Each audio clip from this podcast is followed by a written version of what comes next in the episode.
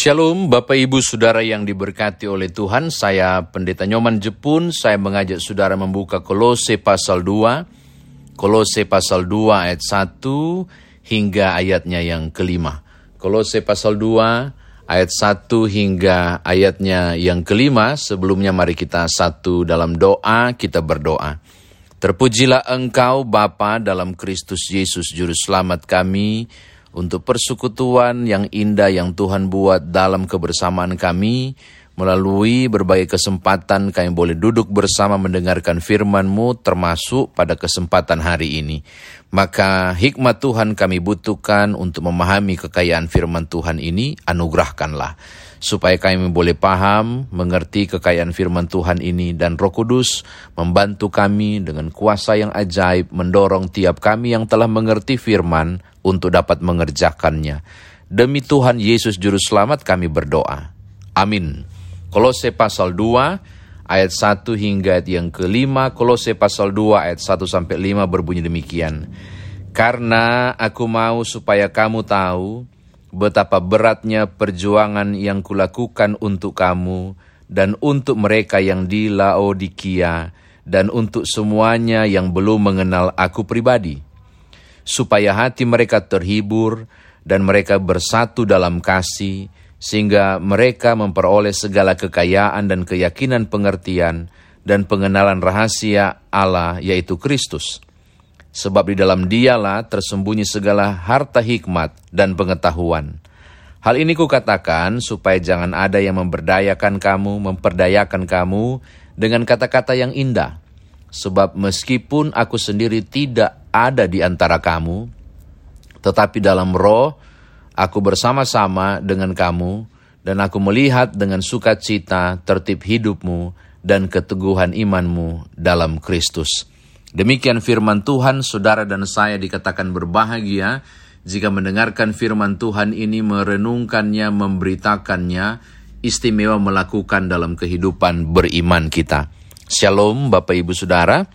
Uh, Kolose, jemaat ini catatan pertama saya tidak pernah dikunjungi dan Paulus tidak pernah hadir bersama dan terlibat langsung dalam proses menjumpai jemaat Kolose. Ini catatan penting ya.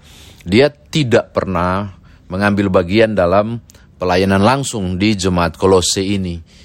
Karena memang salah satu tertera yang cukup jelas bahwa dia tidak bersama-sama, tolong lihat ayat yang kelima, tidak bersama-sama dengan Kolose. Menariknya bahwa justru jemaat, eh, surat ini ditujukan kepada jemaat ini disebabkan Paulus mendengar ada beberapa hal penting yang terjadi. Yaitu mereka dialihkan iman percaya, mereka dialihkan iman percaya kepada Kristus itu ke arah yang lain tidak heran kalau kemudian pasal 1 ayat 15 dan seterusnya Paulus bicara soal keutamaan Kristus. Dan kalau saudara menemukan ayat 4, hal ini kukatakan supaya jangan ada yang memberdaya kamu. Ini menunjuk tentang filsafat-filsafat yang luar biasa mempengaruhi kehidupan kekristenan pada saat itu.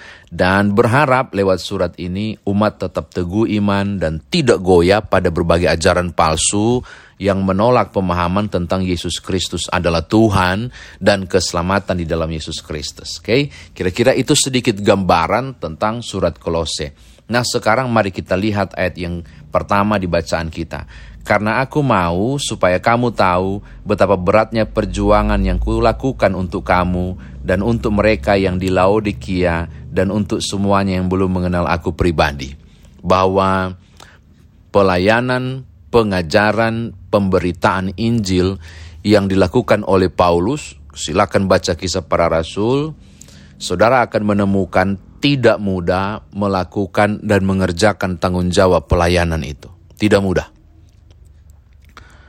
E, catatan yang saya lihat kalau tidak keliru ada lebih dari tiga kali Paulus keluar masuk penjara cuma karena memberitakan Injil kalau saudara baca di kisah para rasul. Tidak heran kalau dia mengatakan bahwa supaya kamu tahu betapa beratnya perjuangan yang kulakukan untuk kamu. Untuk kamu yang dimaksud adalah untuk pemberitaan Injil. Tidak mudah. Walaupun Paulus tidak ke sana, tapi dia memukul rata tentang betapa pelayanan pekabaran Injil dilakukan dengan perjuangan yang tidak mudah. Kepada siapa pun yang belum mengenalnya, tolong lihat ayat yang satu, maupun jemaat Laodikia, kalau itu muncul jemaat itu di Wahyu. Tidak mudah, bahwa untuk mengabarkan Injil sampai ke kamu, tidak mudah mengabarkan Injil itu sampai ke Laodikia tidak mudah, bahkan sampai ke telinga siapa pun yang mendengar. Seakan-akan Paulus mewakili para rasul yang lain atau siapa pun yang pernah dan sedang mengerjakan pekabaran Injil. Dia mengatakan tidak mudah, banyak yang dikorbankan, banyak hal yang harus dibayar dalam tanda kutip ketika mengerjakan tanggung jawab sebagai pekabar Injil. Lalu sekarang muncul ajaran yang lain. Lalu sekarang muncul ajaran palsu. Saya ingin supaya kalian ingat, tidak mudah loh, tidak mudah loh. Betapa berat perjuangan yang kulakukan untuk kamu. Masa iya sih kamu terpengaruh pada ajaran itu? Kira-kira ayat satu mau bilang begitu. Bukan dia mau pamer tentang betapa dia sudah berkorban, bukan. Masa ia tega kalian untuk harga yang sudah dibayar, oleh begitu banyak orang yang melakukan pengorbanan luar biasa memberitakan Injil sampai kamu kenal Tuhan Yesus. Masa iya kamu tega meninggalkan kebenaran itu gitu kan maksudnya. Lalu terpengaruh pada ajaran-ajaran sesat, mulut-mulut manis mereka itu. Bapak Ibu ini catatan saya yang pertama. Yang kedua, mengungkapkan semua pengalaman-pengalaman yang luar biasa tentang berat perjuangan pekabaran Injil bukan cuma untuk membandingkan nilai yang dibayar, tetapi rupanya ayat 2 dan 3 itu sesuatu yang lain juga. Mau menunjuk kepada kenapa saya sampai rela berkorban. Kenapa sampai saya berat perjuangan ini dan saya mau melakukannya. Karena ini harusnya jadi kekuatan tiap orang percaya bahwa kekayaan, keyakinan tentang Allah itu, itu dapat ditemukan dalam Yesus Kristus. Karena di dalam dia itu hikmat luar biasa kita dapat. Jadi saya mau simpulkan begini. Ayat 2 dan 3 mau bicara hal yang kedua. Tentang mengapa perjuangan itu dilakukan. Mengapa perjuangan pengorbanan itu yang berat itu dikerjakan. Mengapa sampai kemudian Paulus rela untuk mengalami hal yang berat demi banyak orang mengalami pengenalan pada Kristus Yesus karena adalah satu hal yang sungguh menghiburkan. Lihat ayat 2. Ketika beroleh kekayaan dan keyakinan pengertian tentang Kristus. Ini harusnya menjadi kebanggaan dan kesukacitaan banyak orang. Ketika mengenal Kristus, makanya walaupun berat, Walaupun harus berjuang, saya dengan semangat melakukannya. Karena beroleh kekayaan keyakinan tentang Kristus Yesus. Tentang Allah di dalam Yesus Kristus. Dan saya mau kalian terhibur soal ini. Dibanding dengan orang bilang ajaran itu salah. Dan muncul ajaran-ajaran baru yang mencoba menalar dengan filsafat yang luar biasa. Tangan jangan terkecoh. Jangan terkecoh, kalian sudah dapat kekayaan yang luar biasa pada keyakinan Yesus Kristus. Jadi dia meng mengatakan alasan yang kedua, kenapa nggak boleh tinggalkan iman? Selain karena penderitaan, kalian sudah dapat loh kekayaan yang luar biasa tentang Allah di dalam Yesus Kristus. Mau kenal Allah yang luar biasa itu, kalian bisa kenal dalam Yesus Kristus. Dan itu yang saya beritakan. Dia mau bilang begitu. Yang ketiga dan yang terakhir Bapak Ibu, dia masuk pada ayat 4 dan 5 penekanan karena itu. Saya minta karena itu. Jangan kalian mau diperdaya. Jangan mau diperdaya. Ingatlah, kendati pun saya tidak bersama-sama dengan kalian. Ayat 5 tolong lihat. Tetapi saya mendampingi kalian secara roh. Maksudnya bicara soal aku mendoakan, aku memikirkan kamu. Dan kiranya kalian tetap hidup tertib di dalamnya. Saudara, bayan ketiga mau bilang begini.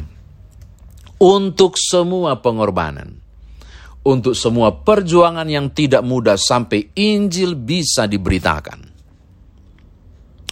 Untuk hal nikmat tentang kekayaan mengenai Allah dalam Yesus Kristus diberitakan kepada saudara sekalian. Tujuannya cuma satu kasihan.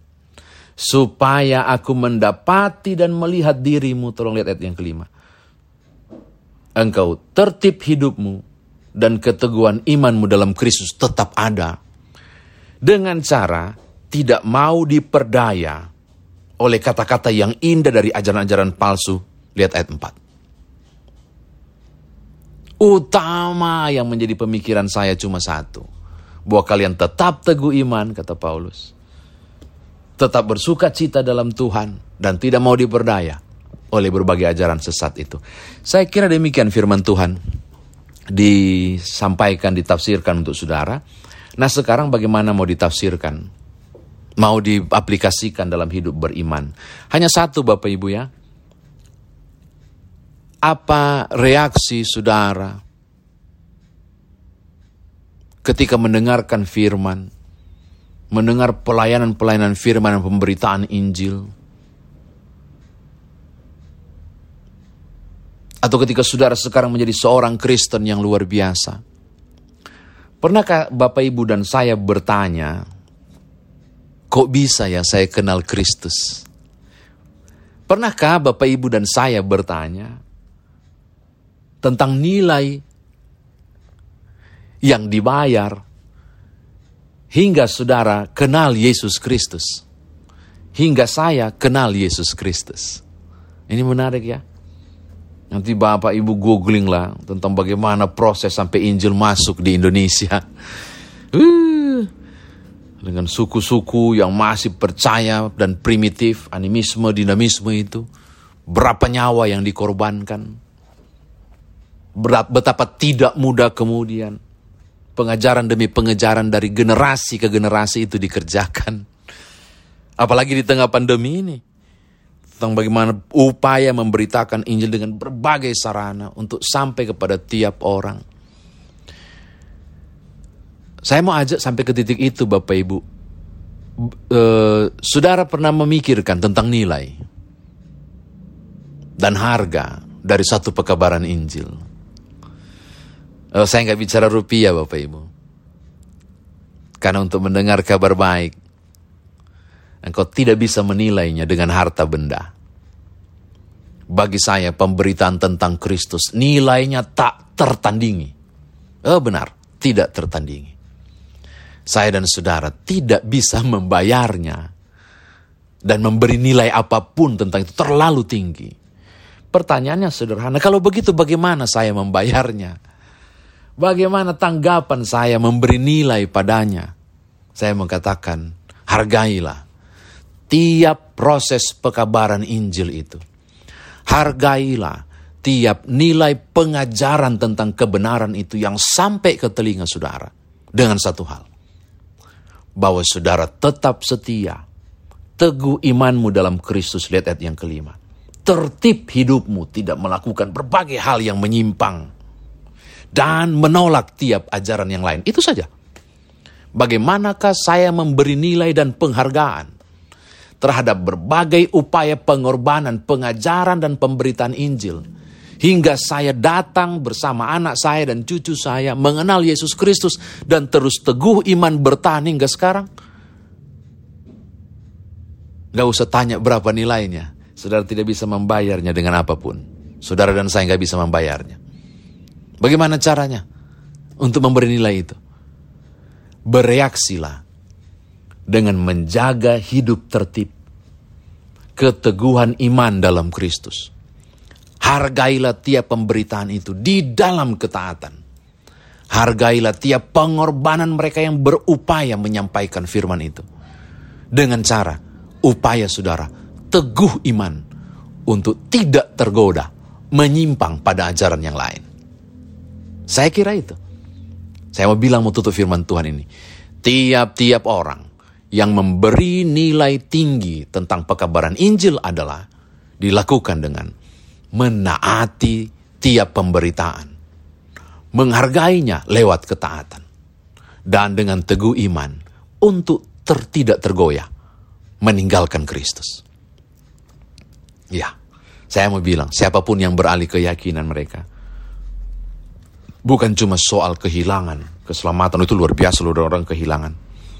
Tapi mereka tidak pernah memberi nilai tentang perjuangan-perjuangan pemberitaan Injil yang dilakukan. Saudara yang menghargai karya Allah yang luar biasa dalam keselamatan, saudara tidak akan tergoda untuk meninggalkan Kristus. Itu cara kita memberi nilai dan menghargai tiap pemberitaan dan pembena, pengajaran tentang Yesus Kristus yang dilakukan dari generasi ke generasi. Tuhan berkati Bapak Ibu. Haleluya. Amin.